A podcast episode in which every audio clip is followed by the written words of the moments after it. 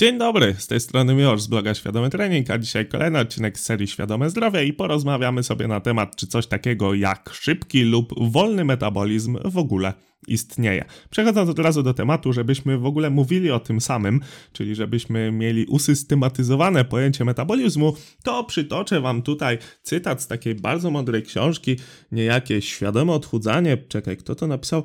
Miłosz Szkudlarek, małpa świadomy trening. Coś mi to mówi, ale, ale tak tylko przez mgłę. Naprawdę bardzo fajna książka, dowiecie się z niej wszystkiego, co musicie nie tylko o odchudzaniu, ale również o diecie. Macie ponad 250 stron samych konkretów z ponad 300 przypisami, także wydaje mi się, że tutaj mm, książka warta polecenia i autor pisze tutaj, że metabolizmem nazwiemy całokształt reakcji chemicznych i związanych z nimi przemian energii zachodzących w żywych komórkach. Autor też postanowił jeszcze bardziej uprościć tę definicję i napisał, że metabolizm to po prostu gospodarka energetyczna organizmu. Link do książki oczywiście w opisie, a co do metabolizmu, no to na pewno słyszeliście o czymś takim jak zasada zachowania energii, czyli że po prostu energia nie może znikać. I teraz w kontekście organizmu możemy sobie wyróżnić energię, którą przyjmujemy do organizmu i energię, którą wydatkujemy. Yy, różnica tych dwóch musi być równa 0, czyli po prostu energia przyjmowana musi być równa energii wydatkowanej. I dlatego właśnie mówi się bardzo często, że bilans kaloryczny jest tak naprawdę w kontekście yy, zmian sylwetkowych, zmian wagi najważniejszy, no bo kaloria to jednostka energii. Energii nie możemy sobie pozyskać znikąd.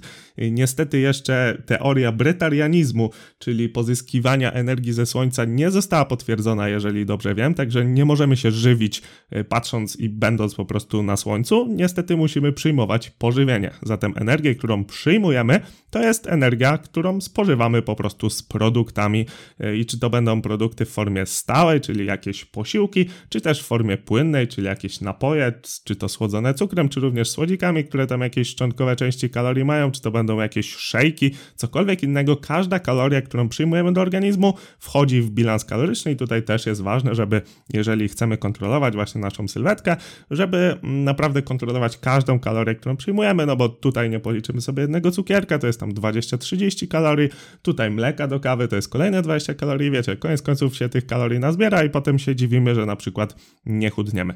Ale wracając do bilansu energetycznego, do metabolizmu, no to strona przyjmowanych kalorii jest dosyć łatwa, ale my tutaj się skupimy na energii wydatkowanej, no bo myśląc szybki metabolizm, my możemy pomyśleć, że ktoś po prostu dużo tej energii wydatkuje. No i teraz, żeby odpowiedzieć sobie, gdzie taka energia może być wydatkowana, powiedzmy sobie, co składa się właśnie na, na to, ile energii wydatkujemy w ciągu jednego dnia. I tutaj jest, y, są dosyć konkretne te parametry. Pierwszy z nich to jest podstawowa przemiana materii, czyli oddychanie, bicie serca, skurcze mięśni posturalnych chociażby, e, praca narządów i tak dalej, i tak dalej, czyli coś, na co tak naprawdę nie mamy większego wpływu, więc już możemy sobie powiedzieć, że tak naprawdę rozróżnienie szybkiego i wolnego metabolizmu tutaj w podstawowej przemianie materii, no moglibyśmy upatrywać, z tym, że trzeba wziąć pod uwagę, że jeżeli weźmiemy sobie wzór na podstawową przemianę materii, to mamy tam trzy zmienne. Jest to wiek, waga, wzrost oraz, sorry, jeszcze czwarta, płeć. W zależności od tego, jaki wzór weźmiemy, może być czasem tylko z wagi właściwie, bo najprostszy sposób obliczenia podstawowej przemiany materii to przemnożenie swojej wagi przez coś pomiędzy 22 a 24 i czasem można też wyliczać podstawową przemianę materii, biorąc pod uwagę beztłuszczową masę ciała, więc tutaj kolejną daną musiałby być poziom tkanki tłuszczowej. Także widzicie, że podstaw, żeby tutaj doszukiwać się szybkiego i wolnego metabolizmu, no zbytnio nie ma. Jeżeli mamy więcej masy, głównie tej mięśniowej, bo oczywiście ona jest bardziej energochłonna, no to rzeczywiście ta nasza podstawowa przemiana materii jest od razu większa. Dlatego y, osoby, które chodzą na siłownię, mają tej masy mięśniowej trochę więcej i się odchudzają, często mają bardzo wysokie kalorie, nawet podczas odchudzania i myślę, że mogę być tu dobrym przykładem, gdzie mam ponad 100 kg wagi, trochę tej masy mięśniowej też tam jest i mogę się spokojnie odchudzać na 3500 kalorii, co dla wielu osób może być wartością wręcz wysoko, bardzo wysoko ponad zapotrzebowaniem, wręcz taką świnią masą, jak się to mówi, czyli e, pochłanianiem tyle kalorii, ile się tylko da, byleby tylko przytyć, no a dla mnie może być to ilość pożywienia, którą będę w której będę cały czas w deficycie, czyli mój organizm będzie potrzebował jeszcze energii, żeby zaspokoić swoje wszystkie potrzeby. No i tutaj jest cała koncepcja odchudzania, czyli kiedy jesteśmy w deficycie, organizm ma niedobór energii i on musi tę energię pozyskać ze swoich zapasów i tutaj chcemy, żeby jak najwięcej tych zapasów wykorzystał w postaci tkanki tłuszczowej. Oczywiście sam aspekt tego, że nie możemy tego robić za szybko i tak dalej, to sobie pominiemy, bo dzisiaj tylko o szybkim i wolnym metabolizmie. Ok, punkt pierwszy, czyli podstawa przemiana materii. No widzimy, że tutaj niestety, mimo tego, że zazwyczaj w tym miejscu upatruje się właśnie przyczyny tego, że ktoś y, je bardzo dużo i się nie rusza i jest chudy, a ktoś tylko powącha czekoladę, jak to się mówi, i tyje, no to tutaj w podstawowej przemianie materii niestety tego nie znajdziemy. Kolejny punkt to jest aktywność treningowa i nietreningowa. Od razu zaspoileruję wam, że to tutaj się kryje szybki i wolny metabolizm, ale zostawimy sobie to na sam koniec, przejdźmy do dwóch kolejnych. Dwie kolejne to efekt termiczny pożywienia, czyli Coś takiego, że jak zjadamy pożywienie, to musimy je pogryźć, strawić, ono się musi przyswoić, czyli po prostu taki podatek od przyjętych kalorii. Tutaj w, w, przypadku białka jest ten procent największy, ale zobaczcie, że zależy on od tego, co spożywamy, więc tutaj też za bardzo podstaw do rozróżnienia szybkiego i wolnego metabolizmu nie ma. No i ostatnia taka mniej znacząca już składowa to EPOK, czyli powysiłkowe spalanie tlenu. Widzicie, że tutaj też ono się wiąże z aktywnością, do której właśnie teraz płynnie przechodzimy.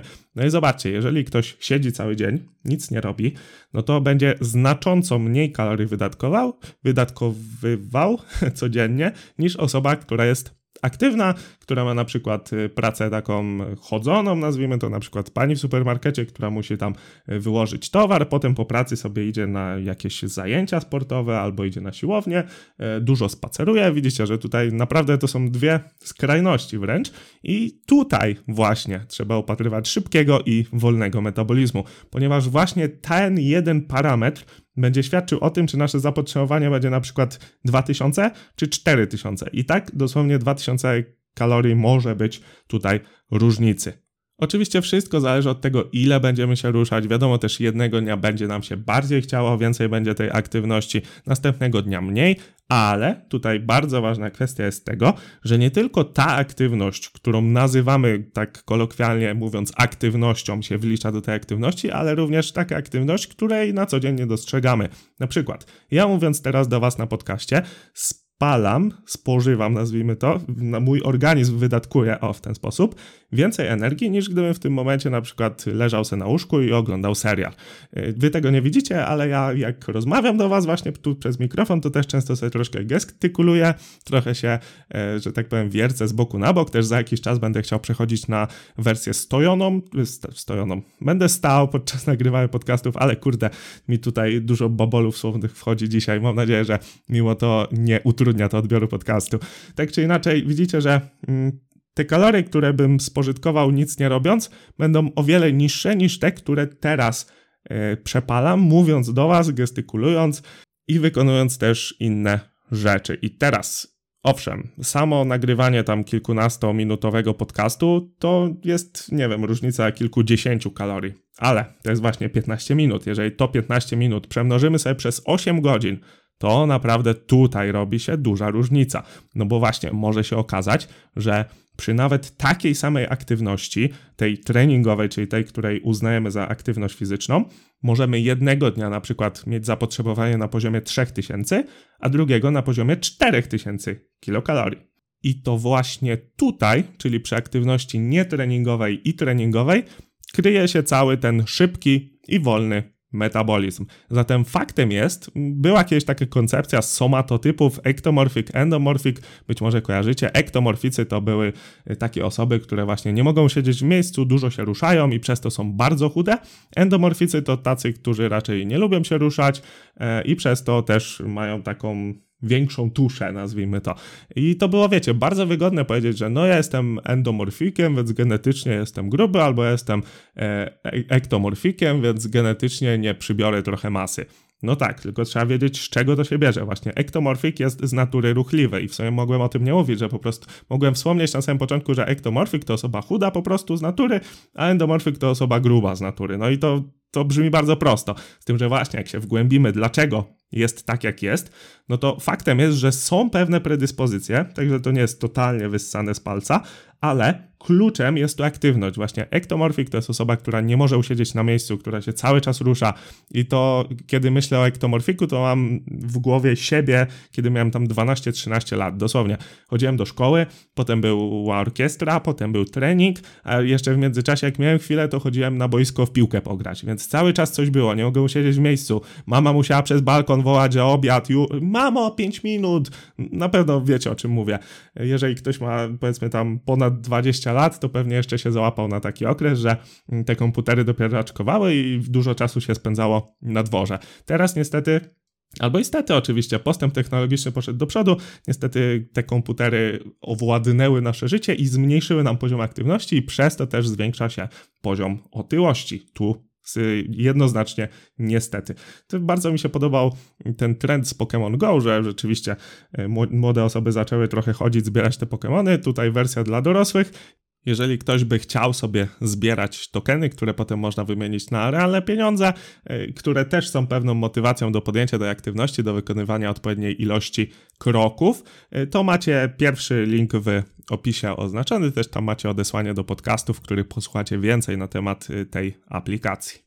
Dobra, o ektomorfiku powiedziałem, kogo mam przed oczami, a o endomorfiku, kogo mam przed oczami, no to też tutaj nie wiem czemu akurat mam yy, w oczach takiego dzieciaka, nie wiem, bohatera memów chociażby, gdzie było, że gruby na bramkę, nie? I yy, takie yy, pokazanie tej osoby z chipsami i kolą. No i zobaczcie, że zupełnym przypadkiem y, te osoby z wolnym metabolizmem właśnie wolą sobie spędzić czas oglądając film i wcinając sobie jakieś tam popcorn chipsy, i zupełnym przypadkiem również osoby z szybkim metabolizmem, oczywiście to szybki i wolny w cudzysłowie jak w tytule, lubią się więcej poruszać, więcej chodzą na siłownię, lubią chodzić na spacery, nie mogą siedzieć w miejscu.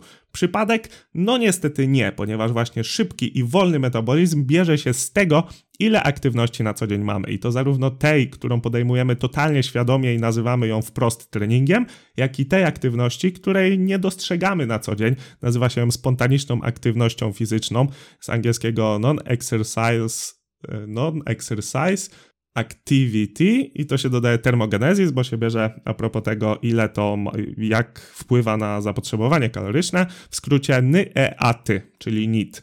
Spontaniczna aktywność fizyczna też swego czasu było popularne, że właśnie rozpiętość tej spontanicznej aktywności może być, wspominało się do, dokładną wartość 2000 kalorii, ale tak naprawdę dokładnie nie da się tego powiedzieć. Rozpiętość może być naprawdę ogromna, no bo jeżeli ktoś przez cały dzień dosłownie chodzi, a ktoś przez cały dzień nic nie robi, no to tutaj zależy od tego, ile ktoś waży, jaka będzie różnica, ale naprawdę tu można liczyć w tysiącach kalorii jaka będzie różnica, kiedy nic nie robimy danego dnia, a kiedy rzeczywiście sporo się ruszamy i to w tym miejscu należy upatrywać szybkiego i wolnego metabolizmu.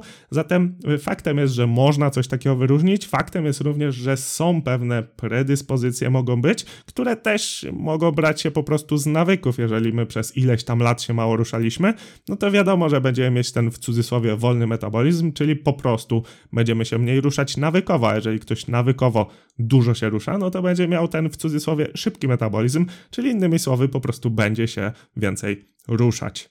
Także czy istnieje coś takiego jak szybki i wolny metabolizm?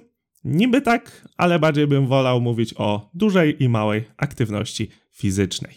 I to wszystko, co dzisiaj dla Ciebie miałem. Jeżeli chcesz otrzymywać jeszcze więcej podcastów i innych materiałów edukacyjnych, brać udział w rozdaniach suplementów lub po prostu cenisz moją pracę, to obczaj, co mogę Ci zaoferować na moim Patronite, do którego link znajdziesz oczywiście w opisie.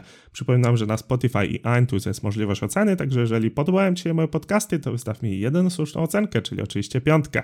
Jeżeli masz do mnie pytania, to napisz do mnie na Instagramie albo pod adres kontakt małpa Wszystkie adresy oczywiście bez polskich znaków, czyli przez S. Mówił Miłosz Szkudlarek i słyszymy się w następnym podcaście. Dzięki.